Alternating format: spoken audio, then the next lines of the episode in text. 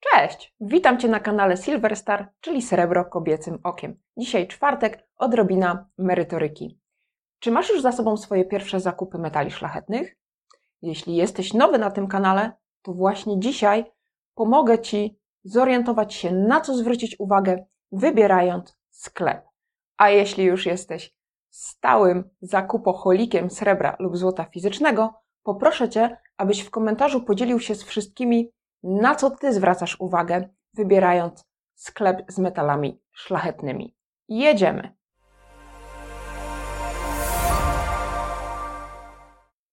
Przed dokonaniem pierwszego zakupu musicie sobie odpowiedzieć na kilka ważnych pytań. Po pierwsze, czy chcę kupić srebro czy złoto?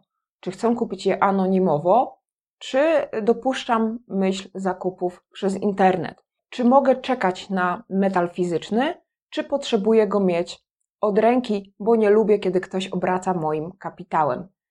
To są najważniejsze pytania, które zdeterminują potem wybór właściwego dostawcy. A teraz to, na czym warto się pochylić, zanim dokona się pierwszej transakcji.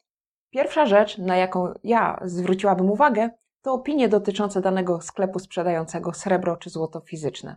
Wujek Google wie wszystko. Wystarczy wpisać nazwę i możecie sobie przeczytać, jak przebiegały transakcje pomiędzy klientami a danym przedsiębiorcą. Jeśli to jest dla Was za mało, zrzeszajcie się, zaglądajcie na grupy na Facebooku dotyczące metali szlachetnych, rozmawiajcie z przyjaciółmi, którzy również inwestują w ten metal. A jeśli jesteście dopiero na początku swojej drogi, to tutaj właśnie zostawiam Wam linki do dwóch Discordów Silver to the Moon i Srebrna Strona Księżyca, gdzie stakerzy wymieniają się swoimi opiniami na temat konkretnego sklepu sprzedającego czy srebro, czy złoto w formie fizycznej. Druga rzecz, która dla mnie osobiście jest bardzo istotna, to dostępność towaru od ręki. To jest zwłaszcza istotne przy zakupie złota fizycznego. Tu gęstość kapitału jest zdecydowanie większa. Na dzień dzisiejszy uncja złota to jest około 7700 zł, kiedy to nagrywam. Zatem ja nie lubię, kiedy ktoś przez długi okres czasu operuje moim kapitałem, a ja nie mam nic w zamian. Lubię otrzymywać towar zaraz po uiszczeniu zapłaty. Natomiast jeśli chodzi o srebro fizyczne, to dopuszczam do siebie to, że jeśli ktoś zaoferuje mi dobrą cenę, jestem w stanie chwilę poczekać na kilka dodatkowych uncji do mojego stosu. Prosty wniosek. Złoto ma dużą gęstość kapitału, zatem dużo musimy wyłożyć od razu, dlatego tu zdecydowanie preferuję krótki czas, wręcz natychmiastowe oczekiwania na towar. E, przy srebrze ta gęstość kapitału jest niska, w związku z tym, jeśli zamówię 5 uncji, to jestem w stanie poczekać, aż te moje 550 zł, 570 zł będzie chwilę krążyło po świecie, zanim dotrze do mnie metal fizyczny. Ale pamiętaj, tutaj wybór należy do ciebie. Trzecia bardzo ważna sprawa to to, jak chcesz kupić swój metal fizyczny. Czy preferujesz zakupy w oddziale danej firmy, czy dopuszczasz właśnie do siebie możliwość zakupu przez internet.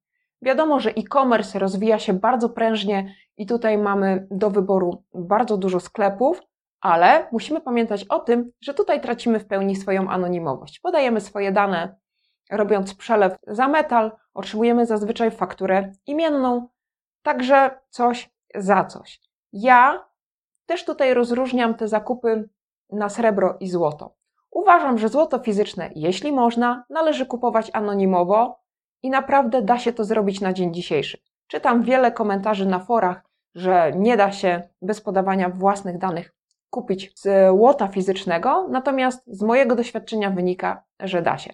Jeśli chodzi o srebro, sama często korzystam z e-commerce'u. Tutaj jest mniejsza gęstość kapitału, więc ta anonimowość nie jest dla mnie aż tak istotna. Srebro również da się kupić anonimowo w oddziale udanego dealera. I tutaj warto sprawdzić, która z firm dysponuje oddziałami w różnych częściach Polski, a która ma tylko sprzedaż internetową. Bardzo często dobre ceny są na przykład w firmie CoinInvest, ale to jest stricte e-commerce. Takie firmy jak Tavex, jak 79 Element, jak Mennica Kapitałowa mają również swoje oddziały do których możemy się udać, porozmawiać, przeprowadzić transakcje. Nie bez znaczenia jest również staż dealera, czyli to, jak długo on funkcjonuje na polskim rynku. Tutaj długim stażem mogą się chociażby poszczycić i pochwalić 79 element, Tavex czy chociażby Goldon. Jak sprawdzić, jak długo firma funkcjonuje na rynku? Po NIP-ie i po KRS-ie. Możemy do tego dotrzeć przez Centralną Ewidencję Działalności Gospodarczych i ona pokaże nam, jak długo firma funkcjonuje, a jeśli jest to spółka, to tak jak mówiłam wcześniej, weryfikując KRS. Warto współpracować z kimś, kto ma już ugruntowaną pozycję na rynku, ale to również nie znaczy, żeby przekreślać sklepy, które dopiero powstają. Jest chociażby na naszym rynku Srebrne Grono, które jest świeżym, młodym sklepem, ale prężnie działającym i Maciek, który go prowadzi, zawsze chętnie porozmawia przez telefon i doradzi swoim klientom. Także jest ważne, żeby zwracać na to uwagę, ale też nie przekreślajcie sklepów, które dopiero powstają i się rozwijają. To ważne, żeby rynek metali szlachetnych w Polsce w formie fizycznej rozwijał się i żeby tych sklepów było coraz więcej, dlatego że my jako potencjalni odbiorcy będziemy mieli większe pole do wyboru. Będą sklepy, które będą specjalizowały się tylko w bulionie, ale też sklepy, które będą miały bogatszą ofertę monet premium czy super premium. Dlatego różnorodność jest naprawdę dobra, bo sprawia, że mamy większy wybór. Kolejny aspekt, który dla mnie osobiście jest istotny, to również pakowanie przesyłek, sposób pakowania tego, co my zamówiliśmy. To mega ważne, żeby sprzedawcy pakowali rozsądnie te nasze zamówienia, zwłaszcza jeśli chodzi chociażby o monety premium. Czyli, tak jak tutaj teraz zobaczycie na ekranie, żeby paczka zawierała chrupki, czyli tak zwane chipsy wypełnieniowe, albo folię bąbelkową, gazety, coś co spowoduje, że paczka idąc od dostawcy do nas nie uległa zniszczeniu i żeby tym monetom się nic nie stało, żeby były zakapslowane i dobrze zabezpieczone, żebyśmy nie dostali obitych i zmasakrowanych monet. Nic tak nie denerwuje początkującego stakera i inwestora w metale szlachetne, jak obita i porysowana moneta. Wiem, co mówię, sama przez to przeszłam. Kolejną rzeczą przy pakowaniu jest znakowanie paczek. Tutaj widzicie zdjęcie od jednego z dystrybutorów metali szlachetnych i nie mam przeciwko, żeby tego typu naklejki pojawiały się na, na paczkach, natomiast na paczkach w środku, a nie na folii zewnętrznej.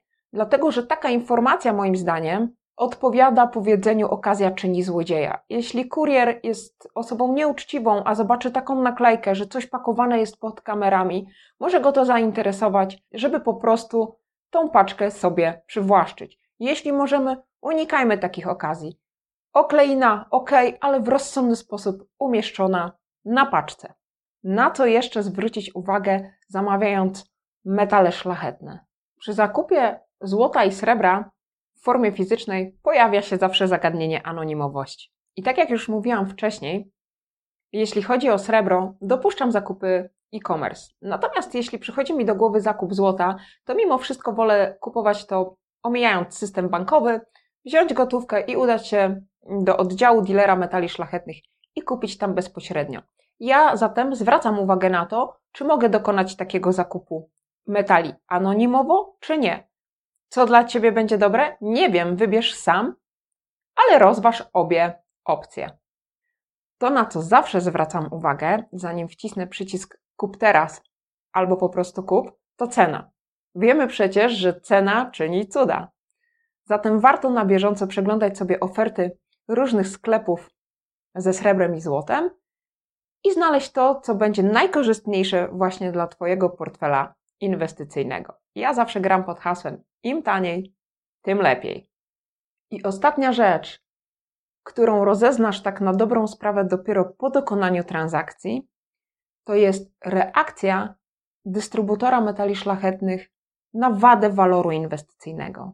Czyli jak zachowa się ktoś, kto sprzedał ci monetę, kiedy okaże się, że otrzymasz ją z wadą, z dużym uszczerbkiem, z dużą rysą. To jest zwłaszcza istotne dla osób zbierających monety premium. Warto przepracować i wypracować relacje sobie z takim sklepem, który przyjmie reklamację, jeśli coś pójdzie nie tak. Bywa, że nie zawsze sklepy chcą reagować na towar, który wyślą, który jest uszkodzony, a warto mimo wszystko, moim zdaniem, budować relacje z tymi, którzy są elastyczni i w razie problemów wymienią monetę na nową.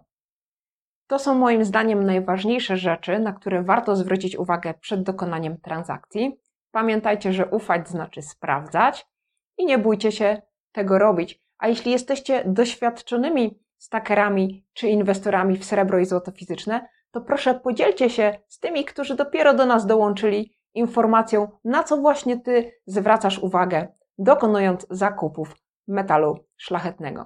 Jeśli ten materiał był dla Ciebie pomocny, to zostaw proszę łapę w górę, komentarz albo subskrypcję i widzimy się następnym razem. Zapraszam na wywiad z Tomkiem Kowalczykiem z projektu Starterra już w niedzielę. Najlepszości, serdeczności. Cześć!